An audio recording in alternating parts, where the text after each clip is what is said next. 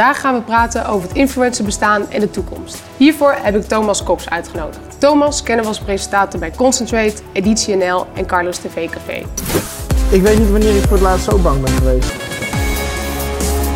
Wat heb ik aan? bij Thomas Cox. En die staat daar. Daarnaast is hij actief op Instagram en heeft hij 75.000 volgers. Hij is dus de juiste persoon om ons meer te vertellen over het influencerbestaan en de toekomst. Welkom Thomas, leuk dat je er bent. Ja, dankjewel. Ja, even met de deur in huis vallen, eh, presenteren, Ja. eh, YouTube-kanaal. Ehm, is er nog wel een allesomvattende term hoe we je kunnen noemen? Ehm, nou ja, je hebt altijd de mooie term influencer. En niemand vindt die term echt heel leuk. Nee, is het altijd, passé? ja, iedereen is altijd een beetje aan het haten op die term. Omdat en je pretendeert invloed te hebben op mensen, wat een beetje Ja. een rare term is. En het is vervuild door mensen die ook, ja, een beetje... Kijk, je hebt altijd verschillende soorten mensen. En Mhm. er zijn heel veel van die standaard influencer, vaak meisjes... Ja. die eh, een paar duizend volgers hebben en die het echt aan het proberen zijn. En die heel erg mooi zijn voor de camera en allemaal sexy foto's Mhm. maken. Waar heel veel mensen een beetje op neerkijken. Vind je eigenlijk dat die types de naam een slechte lading hebben gegeven? Ehm, nou ja, eigenlijk wil ik dus niet al te negatief over die types zijn. Want ik denk, iedereen mag lekker zichzelf zijn. En als Mhm. ik iemand niet leuk vind of wel leuk vind, ja, dat moet eigenlijk niet uitmaken. Maar kijk, je bent dus geen influencer. Ehm, ehm, ben jij een, een content creator? Is dat, dat is Ja. een term die ik vaker hoor. Ehm, vind je dat een goede term? Wat ik het liefste doe is presenteren Ja. en, en dingen creëren. Dus content creator, dus video's maken eigenlijk. En als we kijken, dus het presenteren is je grootste eh, liefde en hobby. Ehm, Is dat altijd al zo geweest? Waar is het eigenlijk begonnen? Het is begonnen, nou, kijk, het is begonnen toen ik echt klein was. Het eerste waar ik Hoe ooit... oud was je toen? ik denk een jaar of zes of zo. Toen Ja. ik echt al dacht van, dat is heel stom. Ik had een soort verrekijker en dat dacht ik dan aan. In mijn gedachten was het dan een camera, in mijn, in mijn fantasie. en de- door, die keek ja. ik zo door die lens van die verrekijker was ik al shots aan het maken. En op een gegeven moment ben ik dus gaan sparen. En heb ik heel lang gespaard en al mijn verjaardagsgeld en jarenlang gespaard voor een videocamera. Gingen we gewoon buiten van een, een, een speeltoestel in een zandbak springen. Maar dat was het dan. Dat sloeg helemaal Ja. nergens op. Maar dat doe je dan zes keer vanuit allemaal verschillende shots. Mhm. Ga je dat laten editen, krijg je een super dom filmpje. Dat laat je aan je ouders zien. En die zeggen, oh wat leuk.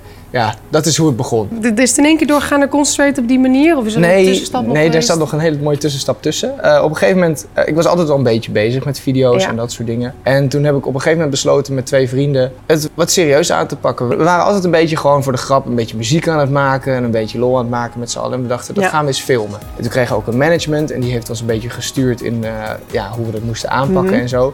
En toen kwamen we uiteindelijk terecht in een soort boyband-achtige setting, wat muziek maakte voor jongeren. Eh, en daarin waren we nog wel vrij populair ook. Zomaar. Zomaar heette dat, ja. En vanuit daar, omdat we naast muziek ook heel veel vlogs maakten en video's maakten van wat we deden met de Mhm. band. eh, dat werd best wel een groot YouTube-kanaal. Kwamen ook in het YouTube-scene terecht. Het liep zo over op die manier, Ja. ja. Wat ik hoor is voor jou heel belangrijk om, om eh, altijd naar jezelf te luisteren. Wat, Ja. wat wil je, wat past bij je? Hoe belangrijk is authenticiteit binnen jouw vak? Eh, ja, dat, dat is wel super belangrijk. En je ziet ook wel dat de grote YouTubers en de grote influencers Mhm. allemaal wel iets authentieks hebben, op wat voor manier dan ook. Maar hoe, hoe doe je dat dan? Hoe kun je authentiek zijn? Zeg je nou, dat Ehm, zit in je of dat zit niet in En dat je? is soms ook moeilijk hoor. Ik, ik ben ook wel eens zoekende naar wat mijn eigen authenticiteit is. Mhm. Eh, Heb je er wel eens een beetje spanning van? Dat je denkt, oh, eh, welke video moet ik nu weer gaan maken? Zeker. Ja? Zeker, ja. Ja. Dat, dat, en ik merk ook om me heen dat dat vaker zo is. Mhm. Dat er echt meerdere mensen die video's maken toch wel zoiets hebben van... ehm, ja, ik ben een beetje aan het zoeken naar wat ik nou wil. En eigenlijk, als je op een, in een goede flow zit, op een goede golf, dan gaat dat vanzelf. En is het ook druk die anderen je opleggen? Vragen zij je ook van wat ga je nu doen? Of is het puur van binnen dat je een beetje... Ehm, ja, ik denk dat dat met elk beroep wel zo is. Je trekt je ook wel wat aan van anderen. Mhm. En mijn conclusie is dan altijd, dat moet je niet doen. Wat voorspel je nou eigenlijk voor de toekomst van het influencerbestaan?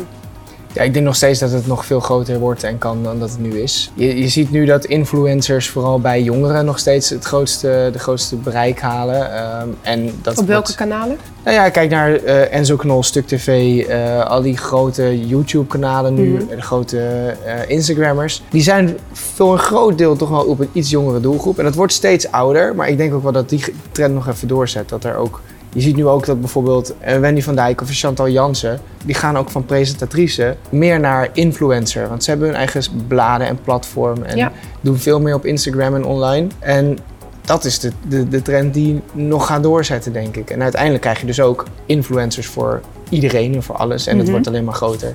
Ja, dat is gewoon hoe het, hoe het zich ontwikkelt. De nieuwe generatie influencers dient zich Ja. aan.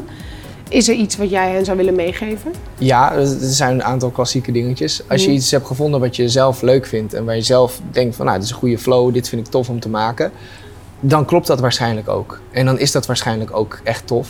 En ook al kijkt er in het begin helemaal niemand naar, hou het toch vol, want dat is de manier waarop je er toch uiteindelijk komt. Er zijn echt voor, zoveel voorbeelden van mensen die eerst een jaar lang, twee jaar lang hun eigen ding hebben gedaan, waar niemand naar keek. En in één keer ontplofte het en vond iedereen, het hele land het geweldig. Maar ja, met je hart volgen kun je de rekeningen niet betalen, toch? Dat zeggen Ja. sommige mensen. Dat is waar. Wat, wat, wat geef je, kun je ze nog meer eh, eh, meegeven naast doe waar je passie ligt? Eh, nou, eigenlijk heb je niet meer nodig. Ja, doorzettingsvermogen en doen waar je passie ligt. Dat is echt waar het om gaat. En geld, dat komt vanzelf wel goed. Ik bedoel, als dit is wat je wil en je moet om het waar te maken... eerst nog even een jaartje eh, daarnaast bij de supermarkt werken... ja, dan moet je dat even doen, omdat je anders niet overleeft. Ja, dan moet dat even. Nou, Thomas, thanks voor je tijd. Graag gedaan. Wil je nog meer van dit soort video's zien? Vergeet je dan niet te abonneren op ons YouTube-kanaal. Je kunt deze aflevering trouwens ook luisteren op onze podcast. Dat is Influential Talks. Deze kan je vinden op Spotify.